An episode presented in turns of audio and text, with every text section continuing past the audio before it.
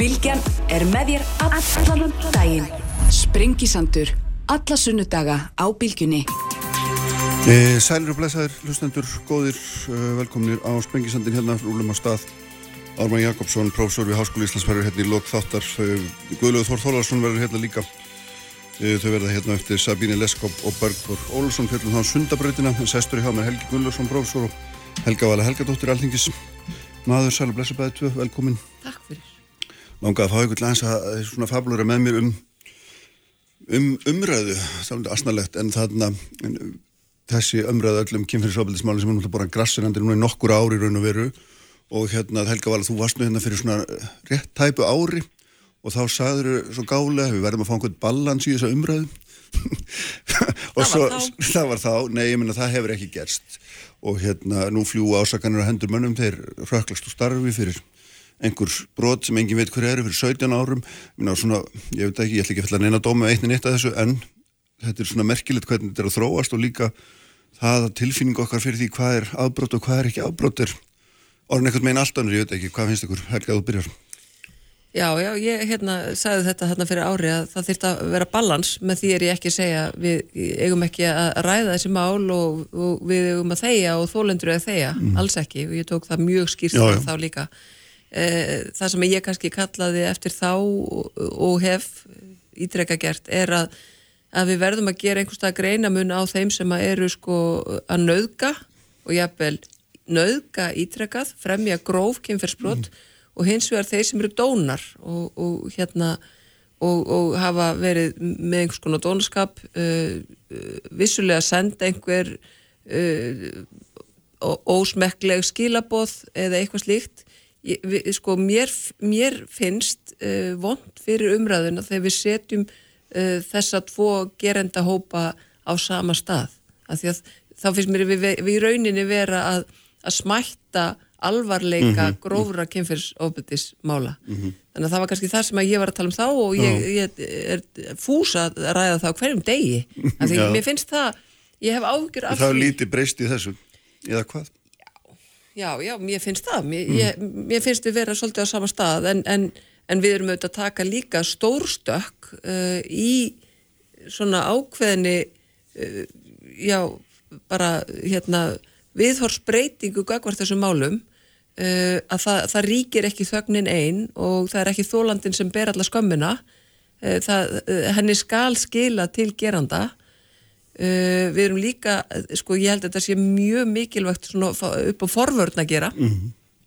Af því að, að, að við vitum líka að það hefur verið kvartað yfir því að svona, svona réttar vörslu kerfið að það hafi verið uh, ekki nógu öflugt í þessu máluflokki og ég get bara tekið undir það Já. hafandi starfað í þessu máluflokki Nákvæmlega Helgi, er, er svona tilfinning okkar fyrir því hvað fellur undir huttakki afbrót, það er, hún er að vika er það ekki eða hvað? Jú, það er, viðist vera mikið að reiki, en það sem svona er að gerast, það er svona einhver klakabönd að, að, að bresta, að leysast, það er alveg, við fáum holskeflu mála inn í ofinbæra rýmið og við, fyrir okkur sem eru svona utanakom, bara venjulegir samfélagsborgarar, að við sjáum svona einhver eina hlið eða við sjáum ekkert svona sjálfur sér hildarmyndina, við vitum í sjálfur sér ekkert nákvæmlega hvernig er í, í, í pottin búið í, í einstökum málum sko, og en, en það hefur samt ekki stoppað marga til þess að, að, að dæma sko, þú veist að, að, að svona dómstóllin hann úti á samskiptamirlum, hann er alveg logar og mm. dæmdir hægri vinstri sko, þannig við erum að fá svona fram svona einhverja svona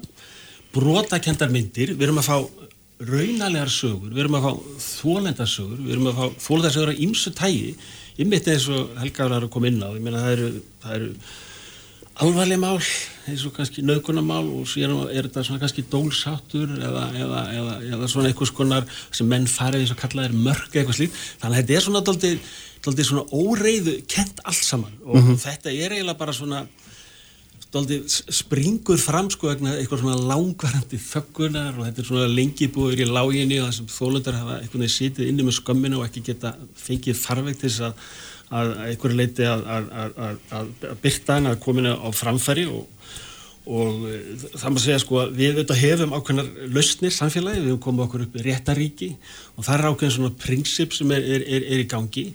Svona einhver hlutlös aðili sem reynir að draga fram inn og ólíku aðila fram og, og reynir að komast að einhverju lausn. Og, og, það er þetta þú veist það var mikið réttar bót og ég meina þetta bara átt að koma réttaríkina og að, að, að, að geta komið með einhvern aðila sem getur einhverju leiti skorið úr með nýmsum mál. En síðan þá á, á sama tíma það sem, sem þóleitur kynferðisbróta hafa hafa reynd á sjálfum sér er, er að þetta réttarkerfi hefur, hefur gegn svara þeirra þörfum. Og það hefur verið svona grílt jörð sko, fyrir þólendur að, að, að ná fram svona rétti sínum í réttarkerfinu og, og, og við höfum þetta hitt málefnu að því tægi að, að það er sérsagt sönnunabyrðin er erfið og allt það og hún á að vera erfið mm. uh, og, og það er svona alltaf þröngt einstígi og það virðist vera mörg þessari mála eins og með svona kynfyrirsprót og kynferðslega áreitni að einhverju leiti eigi mjög einhvern veginn erfitt að komast inn í þetta kerfi og, oh. og mæta þessu nálaröga því að þá fer að verða orð gegn orði og, og menn lenda í einhvers strísástandi og eitthvað slík sko. Og mér finnst þetta einhverju leiti sko og nú auðvitað menn við reyna að bæta réttastu brótaþóla og reyna einhverju leiti að koma þeim sem meira aðalinn í málinn og það er alltaf góðreikald að verða en ég veit ekki hvort það breyti bengilist þessu máli sem, sem ger raunverulega í að. Og þetta er raunverulega kallar doldi finnst mér á nýjar lusnir eða nýjar leiðir mm -hmm. þess að koma inn í þennan vettá því að við erum að tala um sko fjöldamála sem einhverja leiti við að leiti í svona blindgötu sko það er að segja þólandin bara situr upp með skömmina, gerandin með kannski skömmina líka en enga alvöru lust sko mm -hmm. því að oft eins og við vitum réttavarsli kerfnið málur fælt niður mm. fólk veigra sig að, að leita eftir þessu þess að það veita þetta er, er grít leið og það hefur einhvern veginn kallað á okkur að, að hérna, leita nýra leiða og það hefur komið óvart í allar þessar umræðu akkur menn hafi ekki einhverju leiti kannski beitt úrræðum sem eru kannski til staðar en kannski hafi ekki lögfest alveg á Íslandi. Þetta er hugum sem til dæmis einhvers konar uppbyggir rétt í sig mm -hmm. sáttamil, einhverju mhm. tægir sko.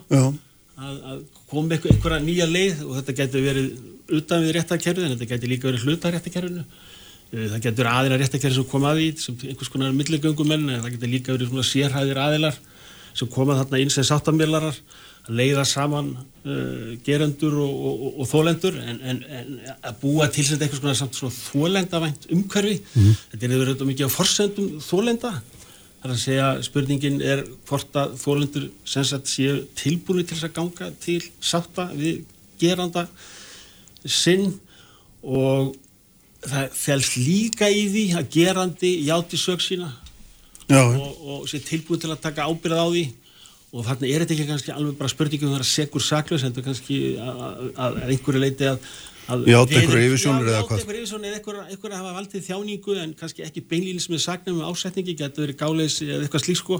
Að menn einhverju leiti mætist og ná einhverju sátt sem getur falist í ímsu sko að, að, að viðkomandi gerandan einhverju leiti bæti þólandanum þetta með einhverjum hætti, það getur verið með eigin betrumbót eða einhverju slíku að að með, meðferð eða ráðgi eitthvað slíku en það getur líka verið eitthvað svona samskipti við, við Þórlanda eða jafnveg miska bætur eða eitthvað en allavega að koma þessu út úr þessu svona þessu þraunga einsti í svona réttafslikerfi mm -hmm. sem eru þetta segur saklaus og menn fara bara í eitthvað svona vikstöð bara, þú veist, gerandin bara þú veist, hann er eins og þoskur eins og hundur á róði sko, þú veist, mhm. bara, bara nei, nei, nei, nei, nei og og, hérna, og, og, og þólandi setur einhvern veginn uppi bara veist, með þjáninguna og brotið og en engan geranda sko. þetta þetta er þetta ótækt fyrir okkur sem síðan samfélag geti ekki einhvern veginn leist betur úr þessu og eins og þessi uppbyggila rétt í sig og sáttamjölun, þetta verið leitt í lög víðanastar og bara, bara gengið bara mjög vel, við höfum líka reynd á Íslandi en, mm. en vestmægnis gegn svona brotum ungmenna og, og það hefur verið mjög jákvægt og allt það og það hafi verið svona í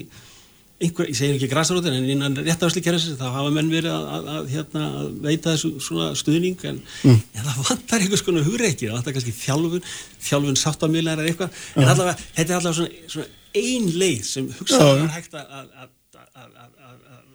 ræða og, og, og taka til svona rækilegra skoðunar og hvernig við getum einhverju leiti bundið enda á þetta þessa, þessa, þessa umræðum, um allar þessar hérna, sakir sem eru bárnari og samskipta með reynir loga og, já, já, og svo mm. gerist eitthvað líki neitt sko veist, mm. það, svo fara sítið upp í Það var góður eða helga Já, já, hérna, ég, ég tek alveg undir það að það væri mjög uh, gott ef við næðum að koma með einhvers konar svona sáttamilun, uh, einhvers konar slíkt úræði uh, og, og ég, sko, mér vitanlega er það ekki notað í kynfyrsbrótamálum uh, ég hef allavega aldrei var aldrei í þannig málum áður en ég settist á þing að, að, þau, að það væri reynd að leysa þau þannig. Og meðan að það eru eins, eins og Helgi segir uh, það er oft notað í annars konar málum sérstaklega varandi unga gerendur en ungi gerendur eru líka í þessum málum sko. uh, þannig að ég veit ekki hvort að það er sko að, að, að lögreglan metur það sem svo að það sé bara ekki möguleiki í þessum málum. En það eru nokkru hlutir hérna ef að, ef að hérna sko, það verður alltaf að vera með samþykki þólanda það, það er bara mm -hmm. útgangspunktur mm -hmm. og auðvitað begja en, en, en það er ekki hægt að þvinga þólanda til þess að fara í einhverja sáttameðferð með sínum kvalara það er, það er bara ekki hægt uh, eðli brot sem skiptir líka mjög miklu máli er þetta brot milli uh, einhverja sem áður voru vinnir eða jafnvel par hjón eða, eða, eða er þetta, þetta ókunnur aðilar mm. Alls konar svona hlutir skipta líka máli í þessu En það sem ég held að, að, að gæti gagnast mjög þólendum í þessu, það er að fá þessa viðurkenningu á að brot hafi verið framið. Því það er oft í rauninni bara grundvallaratriði í málinu. Að, að gerandin viðurkenni að hafa brotið á þólanda. Mm -hmm. Og mér, mér hefur fundist það vera svona aðal atriðið. Veikleikin í, ef maður fer svo inn í réttakerfið og réttafæslukerfið, og það er bara að það er svo rosalega undirmannað að, að sko lúkningin á málinu verður ofta ekki fyrir svona þremur árum eftir að broti framið. Og á því bera stjórnvöld ábyrð að hafa það með þeim hætti. Að sko máliði tvei bara neðst í bunkan og þú nærði í rauninni ekki að, að sko ljúka þessari nöðsilegu vinstlu fyrir mm. bara að það er komin endanleg lok á málið og, og það, er, það er að samaskapi getur að vera mjög flóki fyrir sko gerandan sem er mögulega komin á allt annar stað en verður auðvitað að bera ábyrð á sín, sínum gjörðum mm. þannig að, að, að því leiti væri held ég svona sátta miðlun einhvers konar mjög mikið framfara skref í þeim málum þar sem það er yfirleitt mögulegt mm -hmm, mm -hmm. Og það gæti líka aðeins mingað létta bunkanum en uh, til þess þarf mannskap. Það er alveg rétt, það þarf að úrskurðum að hvaða mál eiga við og, og, og það, það er það þarf líka úrskurðum það svona hva, hva, hvað aðilera sem sker úr það hvenar þetta fyrir státtamilinu og hvenar ekki. Og það hefur núna í okkur hefur Ríkisaksónir eh, sem hefur verið með það e, hlutverk og það, það er e, það, það er sem sagt ólíkir aðlega sem getur geta komið að því en þetta er þetta svona spurninginu það að, að veita svona þólenda svona einhvers konar vænt umhverfi, þennan mm -hmm. þólenda vænt umhverfi og auðvitað er þetta forsendum uh, þólanda, hann verður að, að, að samþykja að, að koma til slíks sáttafundar og á þeim grundvelli að gerandi sér búin að viðkjöna sína sög og sína ábyrð á málinu og vilja til þess að bæta þólandanum uh, brotið, að, sína yðrunum með, einhverjum hætti. Og, það er þarna sem sáttamílan kemur inn. Og ég veit ekki hvort það eins og hefur í okkur, hvort það kannski lauraglansi akkurat sá aðili sem kannski sá rétti alltaf til þess að vera þessi sáttamílari, það gæti alveg hugsalega verið uh, einstaklingar sem eru þjálfaðir í til dæmis, kynbundnu ofbeldi eitthvað slíku, mm. því mhm. ofta tíðum er þetta svona valda misrami á milli og staða mm. þólenda og gerenda og auðvitað viljum við ekki fara að endur taka raun þólenda með því að leiða saman þarna kvalaran og, nei, nei. og, og þólendan. Þannig að það eru, eru margvísleira sjónami sem þarf að gæta og þessi leið, hún hefur verið þróið í, í, í mörg ára erlendis, ég menna begja vegna Allans ála og, og, og, og Norðurlöndunum og í Evrópu og fyrir fleiri málinn bara gagvat unglingum og meðal annars er að þekkist það með svona kynferðislega áreitni eða, eitthvað slíkt. Og reynslan svona viðaskar er bara mjög jákvæð sko og menn fá, og líka eins og að tala um málsmeðferðtíman sem er oft mjög langar hjá okkur eins og komið í ljós að hann, hann, hann hefur stist í þessu og, og þetta er mörgleiti líka ódýrara, mennar að elda því líka fyrir sér þannig að það eru margir kostir mm. sem ég finnst, sko, máli vera að að það þurfi bara að fara að taka alveg og skoða þetta. Og hver á að frumkvæða þessu, er þetta, þetta þingsins? Eh, Ríkisaksónu hefur verið með tilmælaræki, ég held að þetta kvíðast mhm. meira og meira bara eitthvað tilmæla á Ríkisaksónu, mm. þetta er ekki okkar lögum, hegningalögum, þetta er svona hugsanlega í greinagerða en því nú kift út síðast þetta verið tveimur, þreimur ára síðan, bara beinleins að nefna það, að sáttamölun getur komið til greina í, í, í þessum málum, þannig að það er bara að taka þetta bara alvarlega og skoða bara fyrirmyndir erlendis og, og, og ræða svona kostina á gallana og auðvitað er þetta þannig að, að það er engin þvingaður í þessi sáttamæðferð það, það, það getur verið að þvinga þólendur til þess að taka það Nei, fyrir sáttam nei. og það má ekki hafa neitt neitt eftirmála ef þólandi segir bara nei, ég get- ekki hugsa mér að vera í herbergi með þessum einstaklingi, það er bara þá er fullkomlega skiljanlegt. Það fyrir þetta bara ákjörur þetta og bara og í dóm sko. Þannig, að, þetta sé samt kostur. Mhm. getur verið í sambandi ofbeldi nákomina, þetta getur verið markvisli brot á ýmsu tægi og þú talar um alvarleg brot og kannski ætti ekki heima þar en, en hugsalega ætti það heima þar meðfram ákvörðanavaldi refsinga og, og, og þá til þess að milda dóminni eitthvað slíkt sko þá samhliða hefbundinni málsmeðferði í réttafæslikerfinu það getur verið sátt að mjölu milli geranda og þólanda einhverju leita komast að, að samkómulagi eða, eða einhverju leiti mm -hmm. mm umgengni eða samskipti þeirra á, á milli að, að hérna þa þa þannig að það eru það, það eru margveldi möguleikar þarna en auðvitað er alltaf einhver vandi En er, er, er þetta þá þannig að meðan að ekkert svona kemst á og þá geysar þessi umræða þar sem að þólendur hafa engan vettvang til að leita neins konar réttlætis eða viðurkenningar nema bara hinn ofnbæra vettvang, það er að hérna, stíða Já. bara fram og ásaka já, mann og já, annan. Já, já, ég, ég, ég held að, að, að það sem við erum að horfa á núna mm. þessi þriðja eða fjóruða bylgja MeToo sem að við erum að upplifa núna hún, hún er auðvitað uh, hún er mjög öflug uh, hún, hún hérna slær hart út um allt uh, en ég held hún sé bara viðbrað við þessu úrræðaleysi um allt kerfið Algjörlega. og þessu, þessu algjöra vonleysi sem margir þólendur upplifa á kerfinu að hérna að það, það heyrist ekki uh, rödd þeirra heyrist ekki og, og, og viðurkenningin og jafnvel sko ég meina það voru mál fyrir dómi þar sem að maður ég, ég, ég var bara alveg fjúrius þegar maður lappaði út úr dómsuppkvæningu þar sem, að, þar sem að var verið að síkna í ákveðnum hluta mála þar sem að var augljóst brot og búið að, að, að, að viðurkenna að, að gróft líkamlegt ofbeldi hafi átt sér stað frelsisvifting mögulega en síkna fyrir kynferðsbrota því að það þótt ekki sannað að þólandi hefði ekki verið til, til í, í, í, í, í, í kynlíf eftir gróft ofbeldi og frelsisviftingu Ég meina, Já, það þurfti að eru sanna það sérstaklega. Það þurfti að sanna það sérstaklega sko. og ég, þú veist, það eru svona mál sem að fólki blöskrar auðvitað bara, hvernig er hægt að hérna, ekki sjá að þarna á sér stað? þú veist, auðvitað það verður ákveðið óþól en ég, ég, ég ætla að segja aftur Já. Varðandi sko forvarninnar að því að, að, að, að refsing er auðvitað betrun annars vegar og hins vegar ákveðin forvörn. Og ég held að við séum að ná einhverju forvörn hérna núna, ég held að þetta sé svona raunveruleika tjekk fyrir marga. Bara þú, þú bara verður að passa að fara ekki yfir ákveðin mörg en þú veist aldrei nema 29 árum setna þá, Já, þá já, hvað sko? Akkurat. en það er auðvitað, er réttlæti í því en það getur verið sko að það er efni í nýjan þátt. Gerendur kannski viljur til að koma að einhverju slíku sáttabarði það er að segja að, að, að viðurkenna að hafa valdið þjáningu, kannski ekki endilega verið með saknæman ásetningi í einhverju slíku, það er ekki mm -hmm. gáleysi.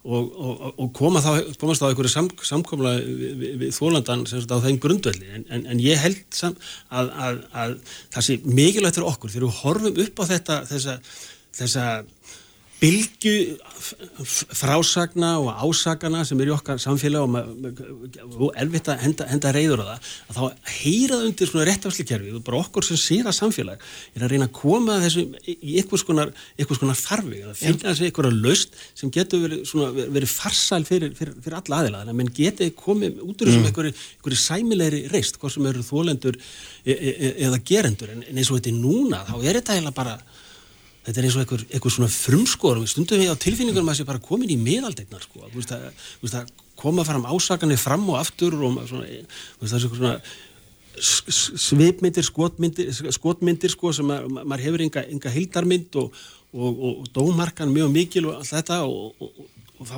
verður eitthvað að koma þessi eitthvað svona lögformlegan svona farveg þar sem hægt er eitthvað að leysa úr þessum málum. Þegar ég nefndi þetta í upphæfa þá er, er var brostið eitthvað klakabönd og þetta er bara eins og bara áinn bara hún streymir fram bara í alla ráttir sko. Okkar verkefni sem síða samfélag er að koma þessum í eitthvað svona alvöru svona farveg svona. Það sem er hægt er að raunafa lust sem sagt út úr þessu sko. Já, eins og við er sáum, eins og við sáum í síðustu viku að þá, þá eru líka komnar svona uh, s- fram sögur uh, og maður getur bara sett sig í þessi spór uh, dökkhærð þinkona sem að hefur talað um lög, gerðist brotleg. Já, já, og þá gæti það verið ég en það gæti líka verið allir aðrir sem að er, eru dökkarðir allar konur, dökkara konur á þingi að því við erum alltaf að tala um lög. En þið vitið, þetta verður það, það er líka hættulegt þegar að við erum, að því að sko afleiðingar af því að vera ásakaður að ósekju um kynferðisbrot eða annars konar ofbeldi eru auðvitað sko, það eru miklar, það eru mjög miklar fyrir fjölskyldu, fyrir vinnu, fyrir allt. en að því, að því ég held að það vilji engin ránglega ásaka mannesku sem ekki hefur gert eitthvað af sér og þá þurfum við líka að hugsa um þetta já. Þetta hafa verið þetta eins og, eins og MeToo-bylgjan, þetta var auðvitað svona nafnlaus sko og það voru heilu svona starfskarinunar það sem voru mjög, Já, já. margar bara mjög hræðilar sögursagar, hryllilegar. heimina leikara, stjórnmáli eða há, háskóla umhverfið eitthvað og þú veist þá einhvern veginn þegar, þú veist þegar það gerir þetta ekkert nafngrindir og ekki þólendir heldur sko að þá einhvern veginn liggur þetta yfir öllum starfskarinum og, Mhm. og þetta var þetta þú veist að verða að vitna þessu, þetta er, þetta- var þetta bara svona köld vaskus að fara, fara minni alla en, en, en þetta er einhver veruleiki sem er þarna. Já, já. við þurfum auðvitað að takast á við þetta. Og ástæðan fyrir því að það var ekki nafngreint þá var einmitt til þess að,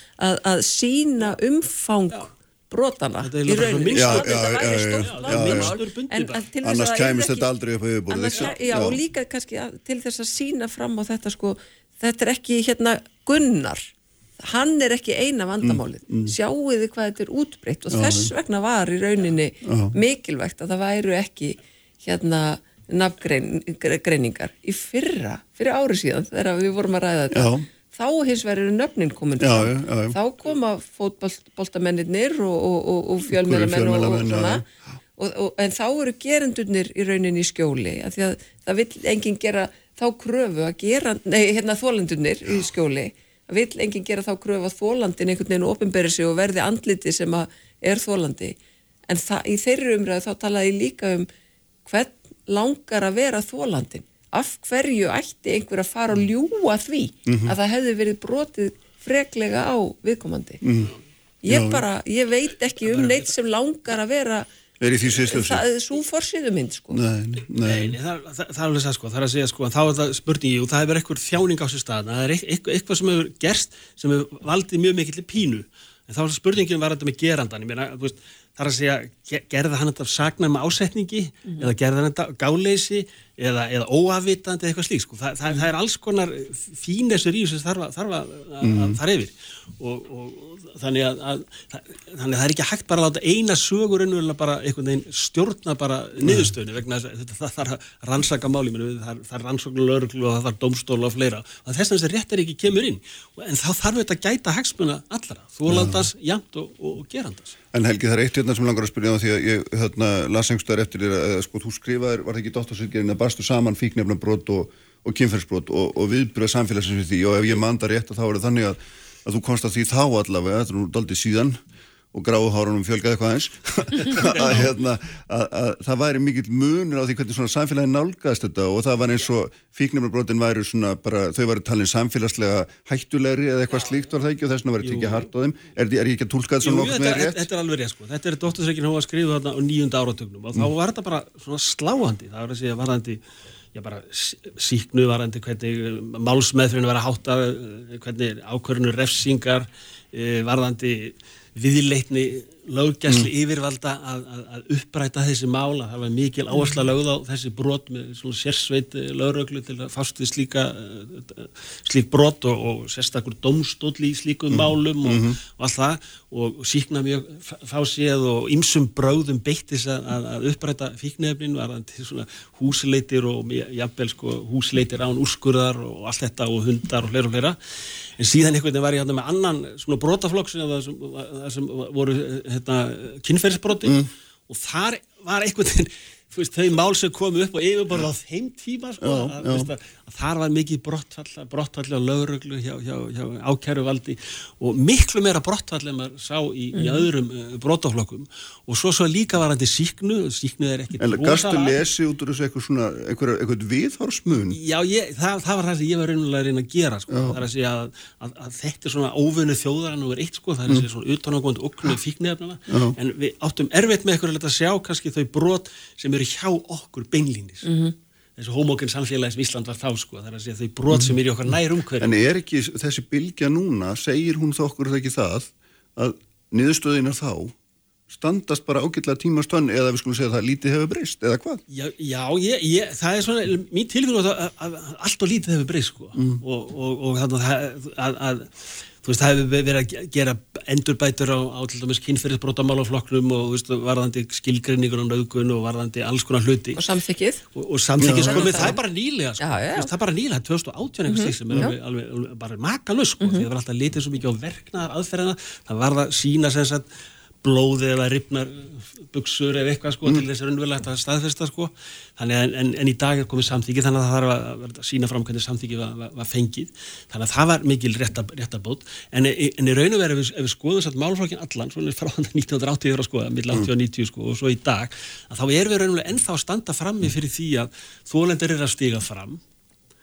En leiðin er mjög grítt inn að réttuværslu kerfisins sko. mm. það, er, það er brottfall og vantrú í, í, í, í hérna, rannsóknmálana í ákjöruvaldanu e, í domstól og það er síknaðir algengar í þessum brottaflokki en í öllum öðrum brottaflokkum á Íslandi og síðan var ég annað með sem, sem ég var að bera saman, það var hendur refsingarna sko, að, að, að ákvörn refsinga í með vilt verið svona herri kantinu sko, mm -hmm. þungir dómar sko meðan í svona kynferðisbrót af málflokkum það hafði verið svona alltaf neðarlega í refsistíðanum.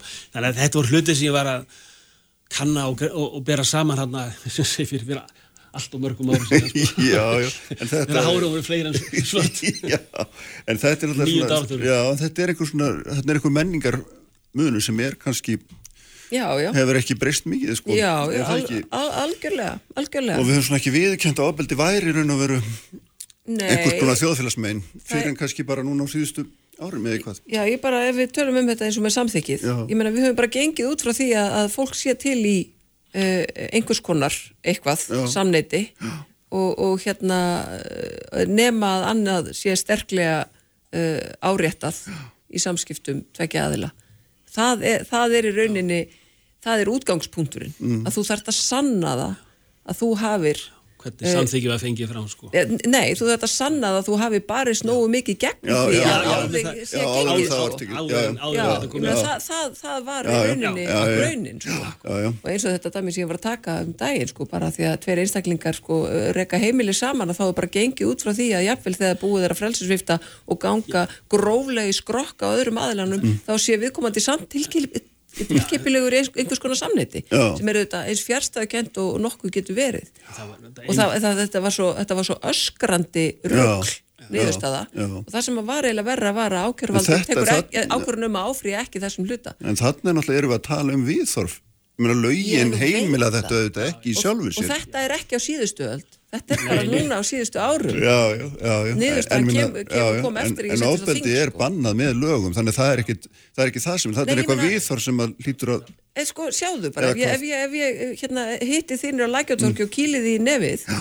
að þá er, þú veist, þá er ekki vafið um það að ég sé að ganga á þinn rétt og ég sé að beita því ábeldi. Mm. Hvers vegna er ekki þetta automatíska viðhorf var, í, í kynfyrirskleipunum Akkurat, það er svona, svona hjónaband og, og, og, og nákominn samband sko. það er einhvern veginn fyrir styrir átt að tíðin bara svona leiði til þess að beita ofbeldi sko. mm. það er ekkert langt síðan að það fór inn í hegninglöginni hjá okkur að, að nögur verið mögulega innan sambands eða innan, innan mm. hjónaband sko. mm. og og, og það að við um ofbeldað ímsu tægi líka. Og ég meina við þurfum ekki að vera lengar aftur en kannski 1980-1990 sko þar sem þetta var svona málunokkur sem bara lauröglega vildi ekki koma nála Já, svona heimilsofbeldi Ofbeldi nákomin, það bara, þetta er ekki þeirra mál. Nei, við, við erum að tala um bara á, á síðustu tíu árum hefur orðið bara stór stökk í þessu. Og það var, sko ég var í lögmennsku þegar að Sýriu Björk, núna ríkislauglustjóri, kemur til Reykjavíkur og breytir kerfinu þar. Og ég fann fyrirstöðuna, mm. af því að stundum kom ég og var verjandi og, og oftast var ég þetta réttakjöfslumæður og ég fann mjög stert hvernig eh, svona lögreglu samfélagið var í rauninni átti erfitt að hluta til mm. með þessa miklu breytingu sem á hún innleiti sko á, á nefanum mm. hún, hún mælti mikill í mótstöðu þegar hún var að, að reyna að innleiða þetta allt þetta með, með heimilisofbeldis Það má segja að réttafslega sko. kerfið hefur verið karl styrtið alveg frá upphafi sko. það er ekki mhm. bara fyrir þessar öll sem við erum að sjá breytingar sko. þannig að þannig eru konundar að koma inn og það koma auðvitað kannski með já, konu sem þólöndur en líka kannski líka málsta barna sem við erum að sjá bara á þessari öll sko. Bara síðustu tíu árum sko Já, þetta, þetta karl styrtið umhverfið maður er að skoða gamla dóma og fleira til þessi sifjaspelsmálum og svona maður, bara, maður rekur rúa stans mm. þetta er karlana sem, sem skrifuður laugin og framkvæmtur laugin sko að einhverju leiti veruleiki þólenda eh, kynferðisbrota, mm. kynbundna ofbeldi, þú veist, gagvært konum og, og gagvært börnum sko, þetta verður einhvern veginn bara passaði ekki inn í veraldar sín þeirra og svona mikil svona afneitun og, höfnurun á þessum veruleika.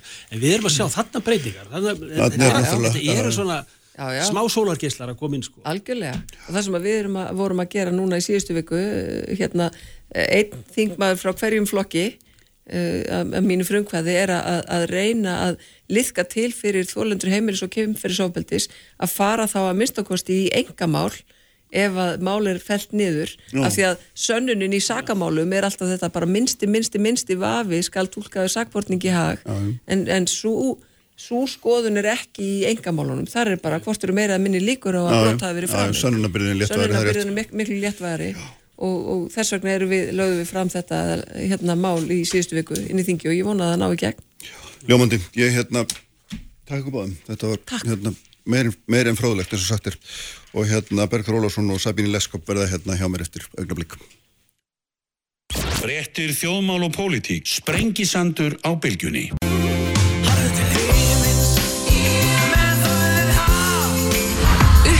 Uppspretta frétta á Sprengisandi á bylgjunni.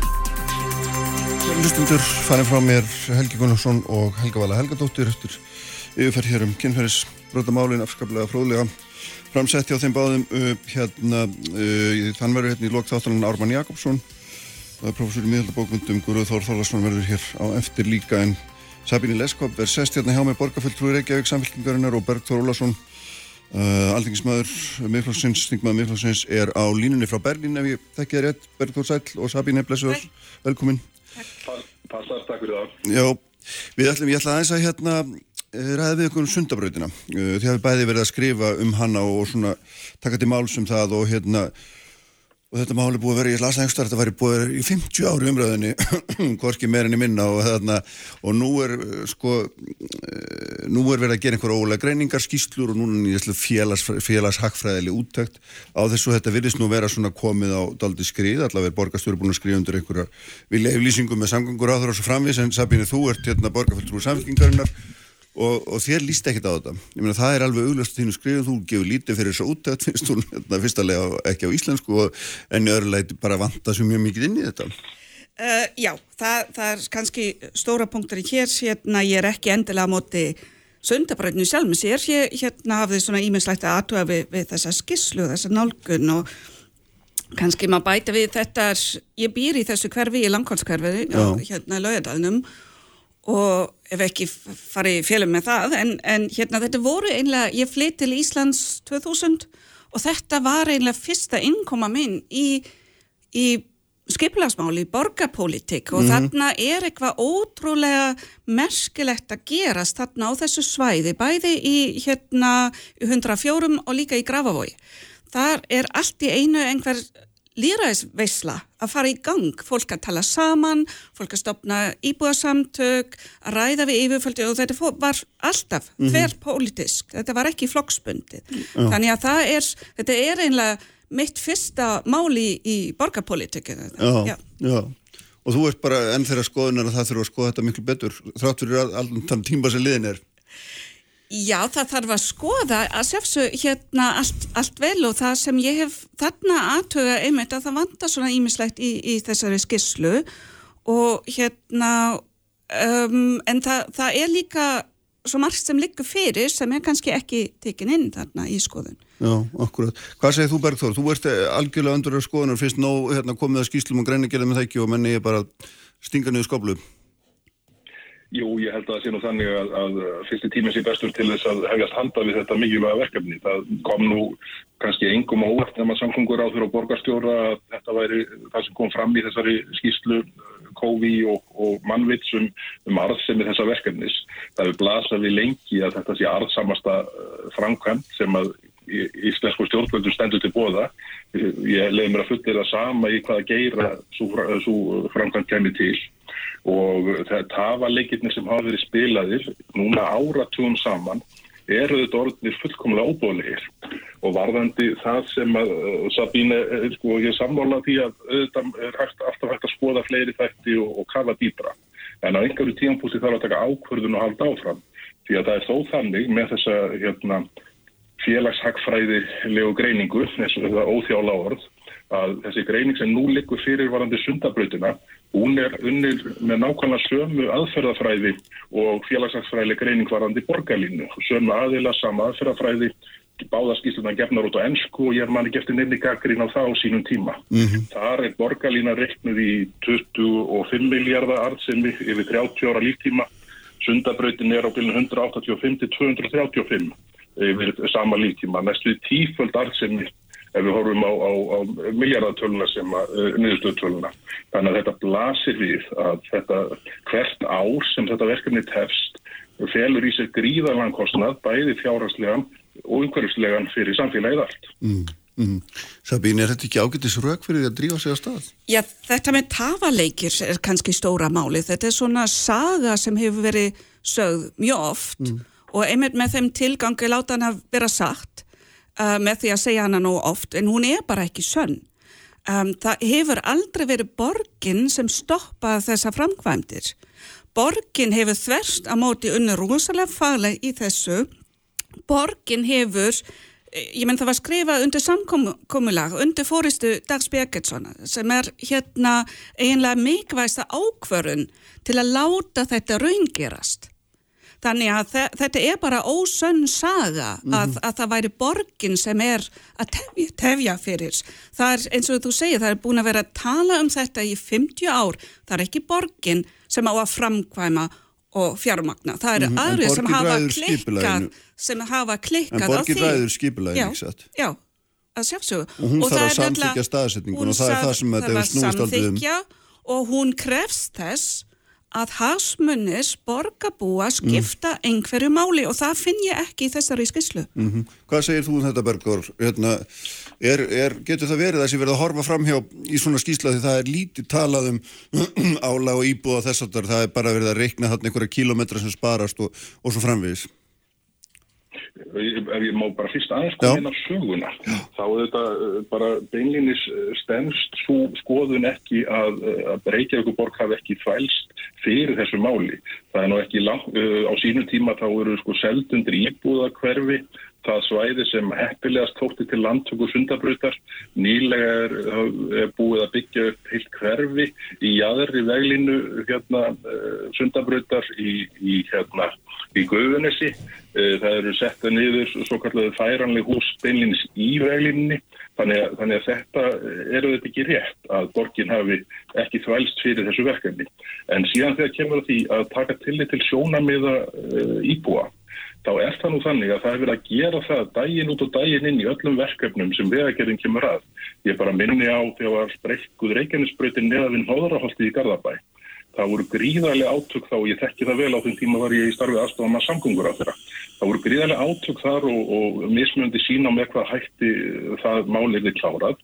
Á endanum fannst löss sem að íbúarnir settu sér við, við og vegagerðin taldi fórsvaranlega og það var gert og allt yfir þetta bara gengi bísna vel síðan. Það hefur að gera þetta um uh, landið um kring eh, alla dagar umverulega. Þannig að, þannig að það er auðvitað bara það sem gerist í þessum hérna, hönnunarfasa eins og með öll önnur verkefni.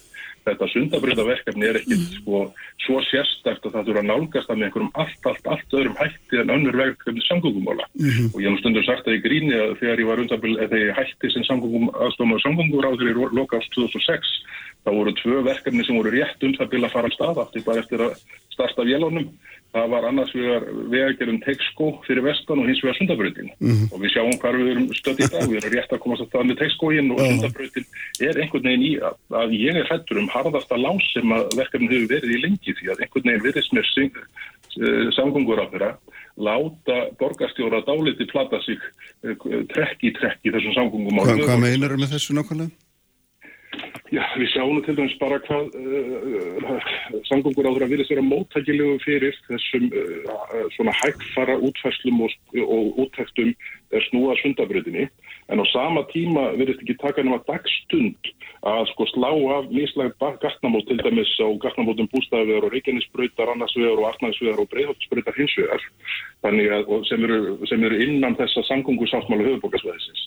Þannig að þegar uh, ákvarðanir liggja fyrir sem að tefja fyrir og hæja uh, á umferð fjölskyldubílsins, þá gerast það hratt. En þegar á að taka svona mikilvægar ákvarðanir eins og lagning sundabröðar er og verður, þá gerist alltaf hraðast nýils og raunar hægar. Mm -hmm.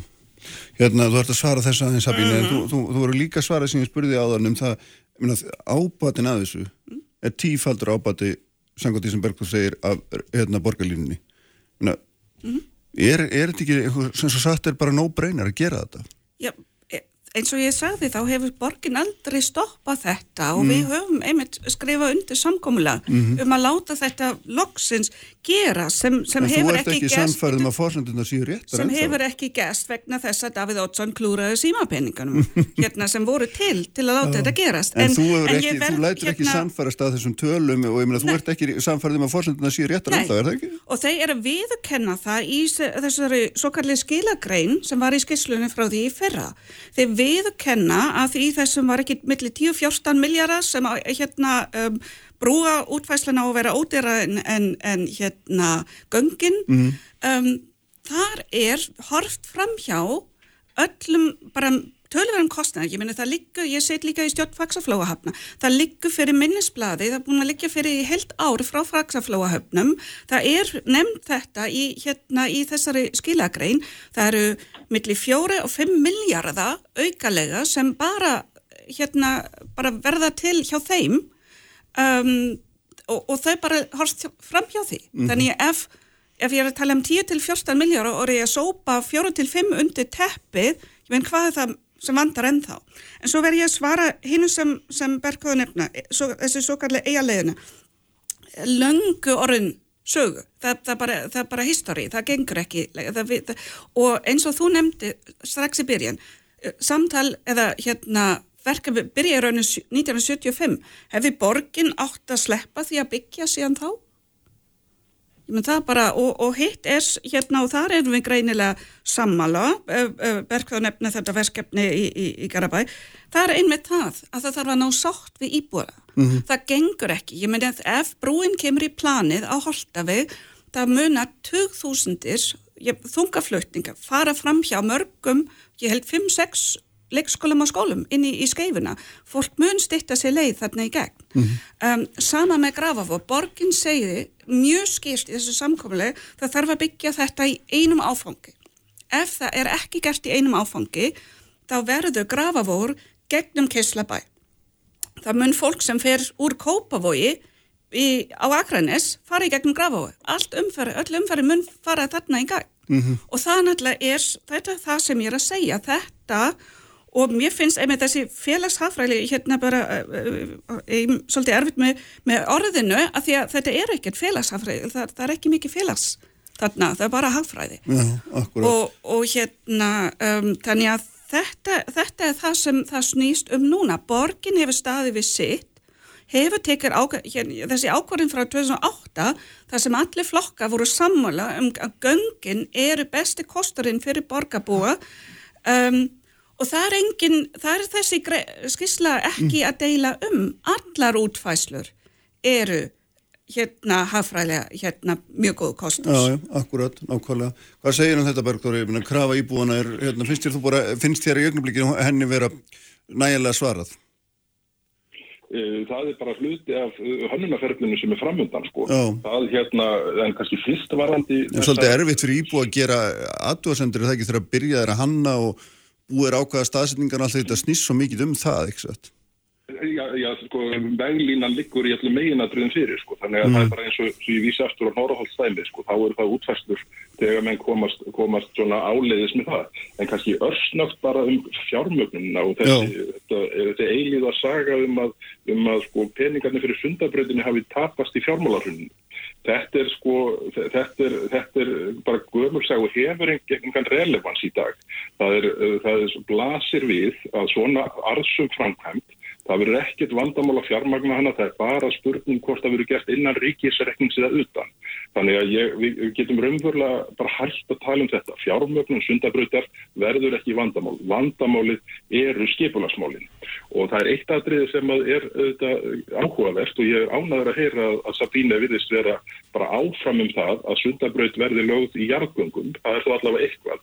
En það sem kemur á óvart í því er að samfélkingin skuli með þessu leggja svona mikla áherslu á kost sem útilokar hjólandi og gangandi. Hvað það var þar að nýta þennan kosti, hvað þverjum, þverjum hérna víkuruna varðar.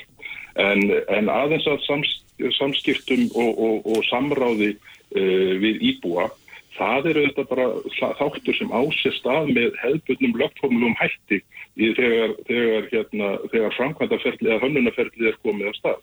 Þannig að ég hef ekki, ekki raunverulega ráðgjör af því og, og, og löstinnar, hvað hljóð, hljóðvist varðar og tarfamti guttum eru þetta miklu þróðar og betri í dag heldur en þegar verkefni fyrir að stað sem hugmyndur mm. 50 árum síðan. Mm -hmm. Þannig að þú sér enga anmarka á því að ræða stýta en sæpinni, hérna nú er að fara að koma sveitastunarkostningar og maður svona spyr sér hver er raun að vera stefna samfélkingarinnar sko, er það, er það þú sem að stýrinni sem vil býða eða borgastjórin sem skrifa undir samkómulega? Ég, ég, ég tala ekki um að býða, ég er ekki að tala um að tefja það bara... En þú, þú ert óanað með útættin sem hlýtur að já, því að þú vilja fá aðra held, og betri, ekki satt?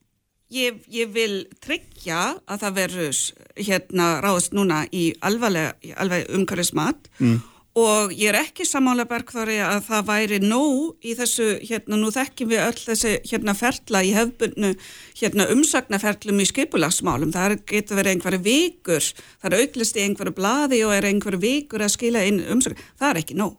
Í svona framkvæmdum er þetta ekki nóg. Þannig að þetta þarf að vera mjög skýrst og ég hef ekki heyrt það alveg nóg skýrst frá ríkistjórni, líka frá, frá hérna Sýra Ingi fólk byrja að tala bara um sundabrú eins og það væri orðin starfsheiti, svona vinnuheiti mm, mm. á, á framkvæmdunum um, eins og það væri ákveðið og þar er, ég ekki sátt með. Hérna að þetta sé ákveðið áður en við veitum virkilega hvað kostnamunus er nákvæmlega og, og, hérna, og hvaða möguleikar eru og að við náum sátt við íbúa sem þetta snerstir mest mm. af öllu. En telur þú einhverja líkur á að verði farið í þessa framkvæmda næstunni? Já. Ég, þú, þú myndir halda það? Ég haldi það, já. Það verður sérst göng. Vonandi. hvað heldur þú Bergur? Annars, annars mæti ég aftur. Já, hvað heldur þú Bergur? Ef þú myndir trúa því eða hvað? menn mun aldrei reikna sinni á tvo aukastafi hvað þá áður en að hafist þér handa.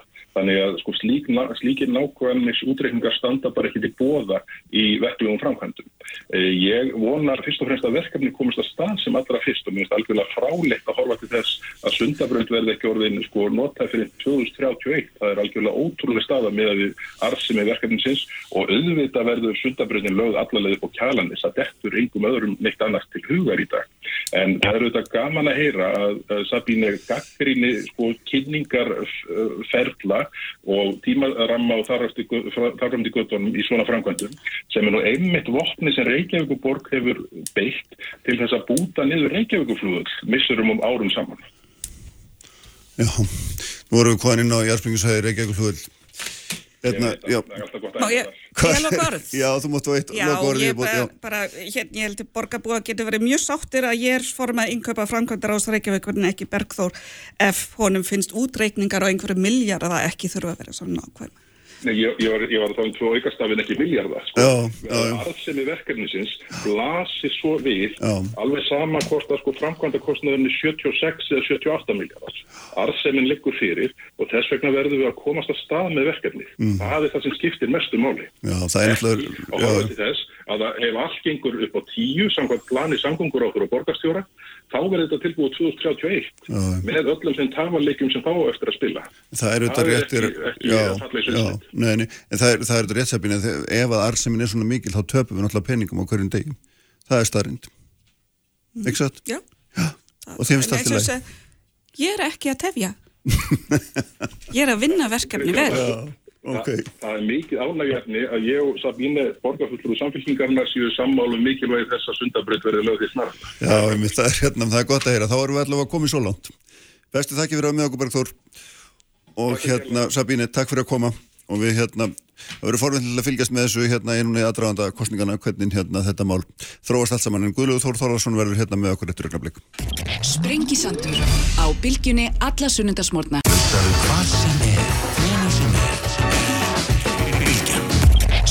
Sprengisandur á bylgjunni alla sunnundasmórna.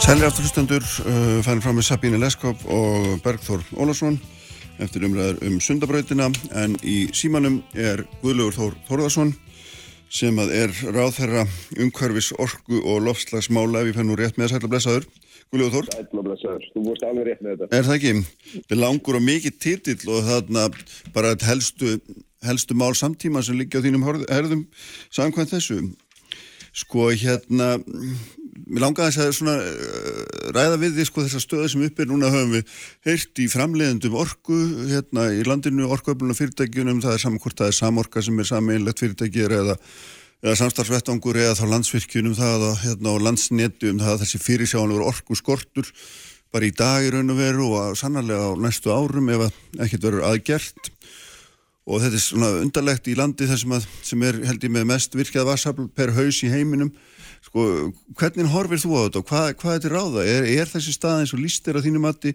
og þarf að grípa allir einhverja sérstaka aðgerða? Já, sko, það sem ég að því að þú nefndi nú heiti mitt, þar er að segja uh, titilmins er áþæra, að þá í rauninni er, gæti ég bara heitið einu heiti sem er í loftlasáþæra. Já, Því að það rammar þetta allt saman einn.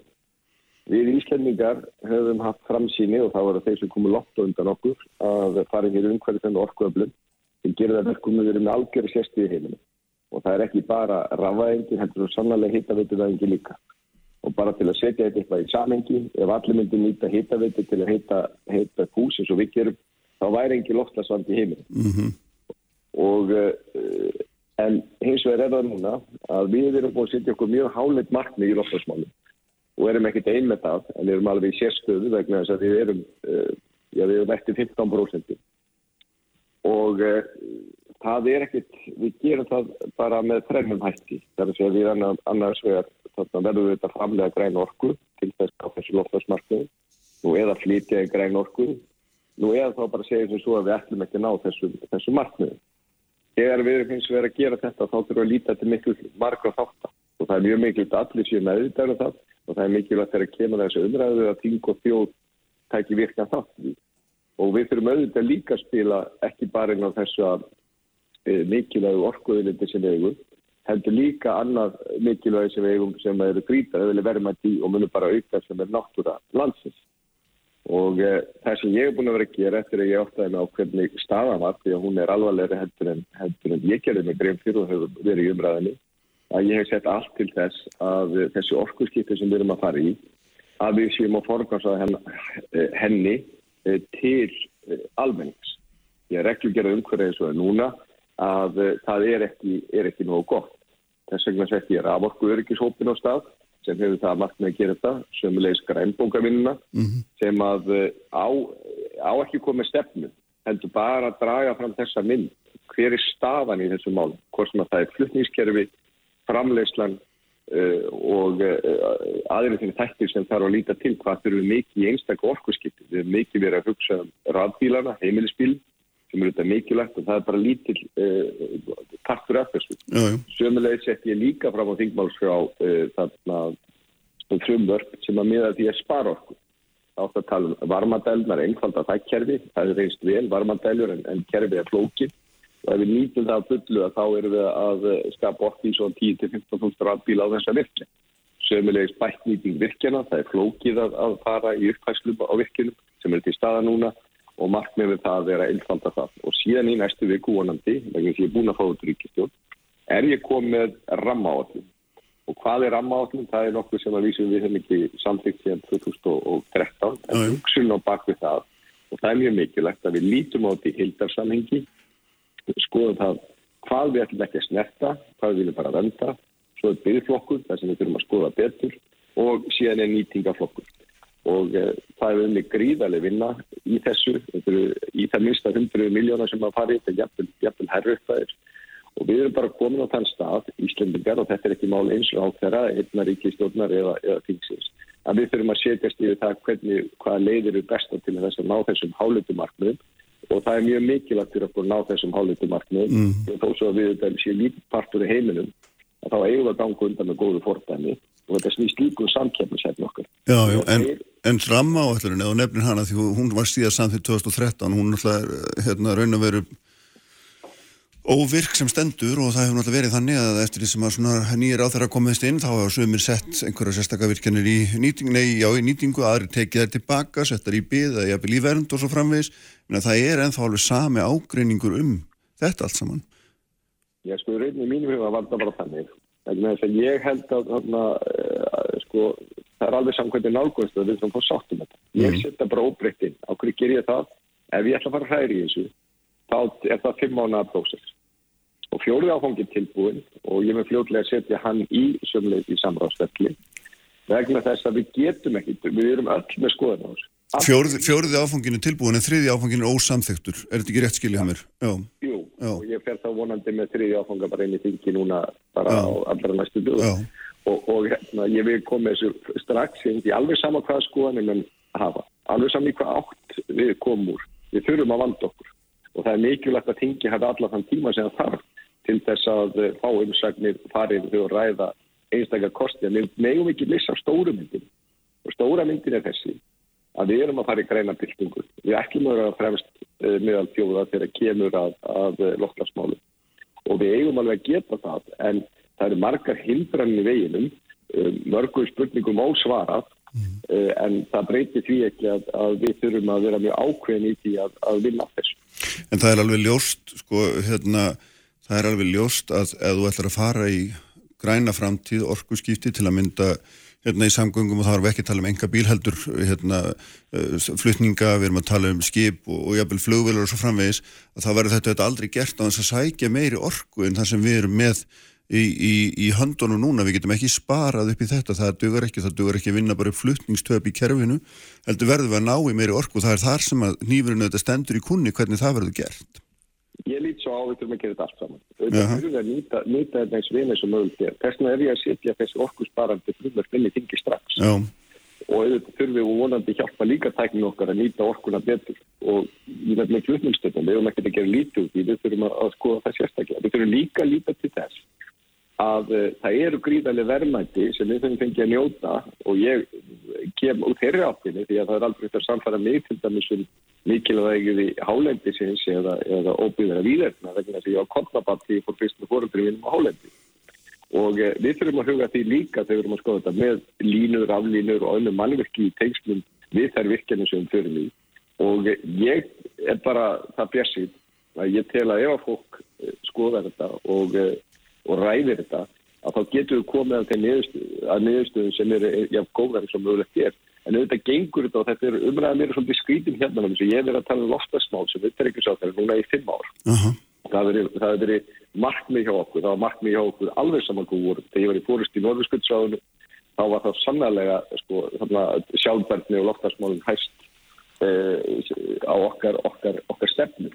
Og þar eru allir að tala um það hvernig þetta gengur út af það. Við erum að hætta í jærðarnælsmyndi heimurinn og við erum að fara í græn orku og þá þarf að búa til græn orku. Eftirskuldin eftir henni er alveg gríðarlega mikil og ef áeigilega að segja okkur síðan svona núna er óendanleg. Mm. Og það því það við þurfum líka forgámsaða því við viljum að orkuskiptin þar er líka, fer fyrst og fremst til almenna þess að þarf að fara og eh, þar er, þar er, er þarna pottubrótin og eh, við erum að vinna því svart eins og við, við mögulega getum. En við erum líka á þeirri stöðu núna í meður að ef þetta fer sem horfir varðandi brennsluna mm. að þá erum við að taka allar þann spartna sem við fengum í ráðbílavæðingu frá 2010 og hann er bara að fara út.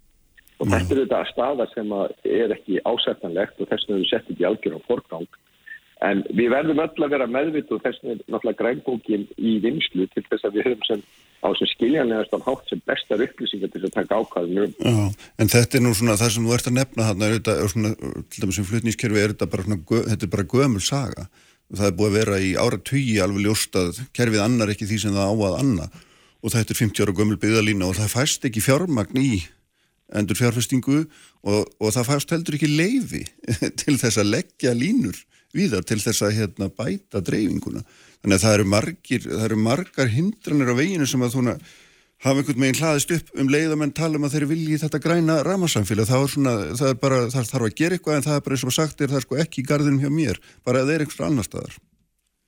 Já, er, þú ert bara að draga upp áskorunir eða vandamál og nú þurfum við bara að fara í lausnum. Það er líka annað sem við þurfum að líta alveg sérstaklega til að það eru misjöfn stað eftir landsvæðum og uh, ef við ætlum að segja við einhver landsvæði því ég get ekki fengið græn orku þá erum við að segja við einhvern landsvæði því eru bara ekki að vera með í framtróðum uh, framtíðan og uh, ég er líka legg áherslu á það að við skoðum sérstaklega því sko það er ekkert raflínur er sjónmenguna mínu áleiti mm. og ég er trestara og við hefum að auðvitað hafa eins fáari svo við getum og þá ég þétt eins og við, við, við getum og ekki að svæða þess að við viljum ekki hafa þetta.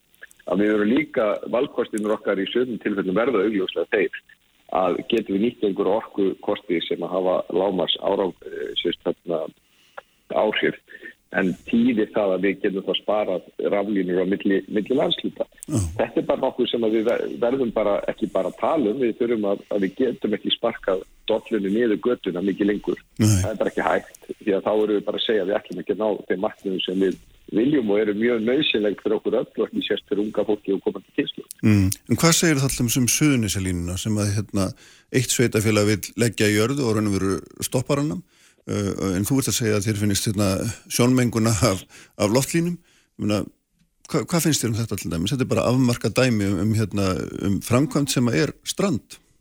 Með mína bestu uppsingar þá kostum 2,5 miljard leggja línuna það er að segja sko loftlínu mm. það kostar 5 miljard að setja nýjörðu en í ofanalag að þá hefur hún verið í jörðu núna að uh, þá væri hún ekki virk vegna þess að út af uh, jarðfæringum og svæðinu Þannig að þetta er bara valkosti sem menn, menn er að horfa á og það er algjörlega nöðsynnt að leggja suðninsvelínu, það liggur alveg fyrir. Uh. Og þó, þó sem ég sé nýskur og náttúrun annars líka þá, þarna, þá verður maður auðvitað að horfast í augu við maður, maður að taka ákvæminu út frá þeim fórsendur sem er til staðar. Man getur ekki verið uh, heimurinn eins og er og staðan eins og er ekki eins og, maður myndi vilja hafa hann. En uh, munum við sjá mikla breytingu svona stefnubreitingu hjá, frá, hjá þér versus þann hérna ráðarar sem var fyrir. Þið komið náttúrulega úr gerólíkum flokkum og hann auðvitað innan úr landvend og hérna hefur verið mikill þógaramadur, vendunamadur, fríðamadur.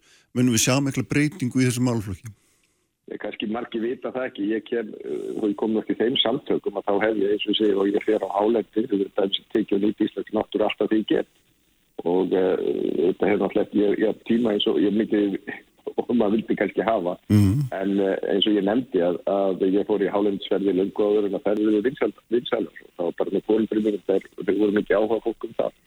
Þannig ég er búin að gera það í áratvíi og uh, það þarf engin útskýra fyrir mér mikið að íslensku náttur en hins vegar uh, og ég ætla ekki að leggja að dóma það hvernig þeir hluti verða. Sko, hins vegar likur bara fyrir það þerrfólki samstæðu lofla smartni og þegar ég, þegar ég líti á þess að 50 aðgerðu sem er í gangi að þá hefur svolítið ágjör af því síðan að hlutir er í vinslu að þá hefur ágjör af því að það sé kannski ekki alveg við séum ekki alveg komin á þann stað sem við viljum. Eh, það er auðvelt, við verðum ekki dæmda því það sem við segjum. Við verðum dæmda því hvað við gerum. Og uh, mitt hlutverk er að, að leiða það á samt ríkistjórninni að sjá til þess að þetta komist í framkvæm og, þar, ef, og ég er alveg samfæðum það ef að menn bara líta á verkefnið með stórumyndin aðlega ljósi að þá getur við komist að miðurstöðum verður það þannig að allir verða alveg sáttur um allt? Með örugli ekki. En, en við verðum að hafa augun á lofslagsmálunum mm. og, og við verðum bara heiðarlega með það. En það er líka svo margir kostur sem fylgja þessu. Hugsaði það Kristján. En við verðum hérna fyrst ríkja sem að já, allavega í okkar Já, það er ekki mörg ríki, jú það er með einhver, en það er ekki mörg ríki sem eru þá bara, og við erum eiland sem eru alveg sjálfstæði okkar orkumál. Við þurfum ekki verið að há því að, að flytja inn e, elsniti til að knýja það sem við þurfum að knýja hér. Auðvitað er þetta stórkværslega framtíða sín og e, það eru svo margi kostið í þessu, sömur leiðis að við erum alltaf verið þegar við erum að segja frá hvað við gerðum að því við erum með svo miklu endur í orku. Við erum alltaf að segja sögur frá síðustu öll ef að kannski undaskili Karpik sem er íslensk uh, tekni sem er, er veku verðskulda aðtikli og gríðarlega mikla framtíð fyrir sér. Mhm. Þannig að uh, nú er okkar verkefni að líka nýta sem við höfum og fara í nýsköpun á þessu sviði sem, sem aldrei fyrir og það er bara mjög spennandi verkefni sem er að líka útsýðist tekið hjá okkur. Ég nefndi á hitavindina. Já. Stærsta hitavinda heima er í Kína. Hún er samstagsæðal íslenska og kínuverska aðeina. Hún sparar, þessi í Xinjiang, sem er ekki stórborg og kínuverska mennakvarða, hún sparar jafn mikið af útblæstri og allir útblæstri Íslands. Þessi eina hitavinda er borg í Kína. Já. Þannig að uh, þetta er ekki bara, og við erum ekki bara nákvæmst að þetta sé sko verke, uh, vandamáli verkefni, það er það svo sannlega, en í þessu félags líka gríðaleg tækifæri í íslenska þjóðu og, og fyrir ung fólk og komandi kynsluður. Já, en nú, nú er það ljóst að við þurfum að afla, ég held við getum verið saman það, við þurfum að afla meiri orku ef við ætlum í þessi orkuskipti og það er alveg saman hvernig við snúum því og hérna ég hjóti því að fórstur í landsvirkina talaði um að ný virkjun til að mynda tæki svona 20 ár áður en hún yrða veruleika þannig að tímin er nú ansi skammur og síðan erum við líka með skamtímavanda sem að er það að við þurfum að að skerða raforku til stórnótunda, við þurfum að gera það þessu ári hérna, eða gerðum, já, þurfum að gera það þessu ári vegna vastleysis og, og mér skist að það sé fyrirsjánlegt að það verði á næstu árum, jáfnvel þó að það verði svo kvöldu meðalár, þannig að það er eftir með skamtímavanda, þú er bæðið með langtímavanda og, og skamtímavanda því að, að margar, annar, annars, annars þarf að brenna hérna, annars konar eldsneiti, mengandi eldsneiti ef, ef, ef við getum ekki aflað þeirrar orku sem við höfum eiginlega lofað.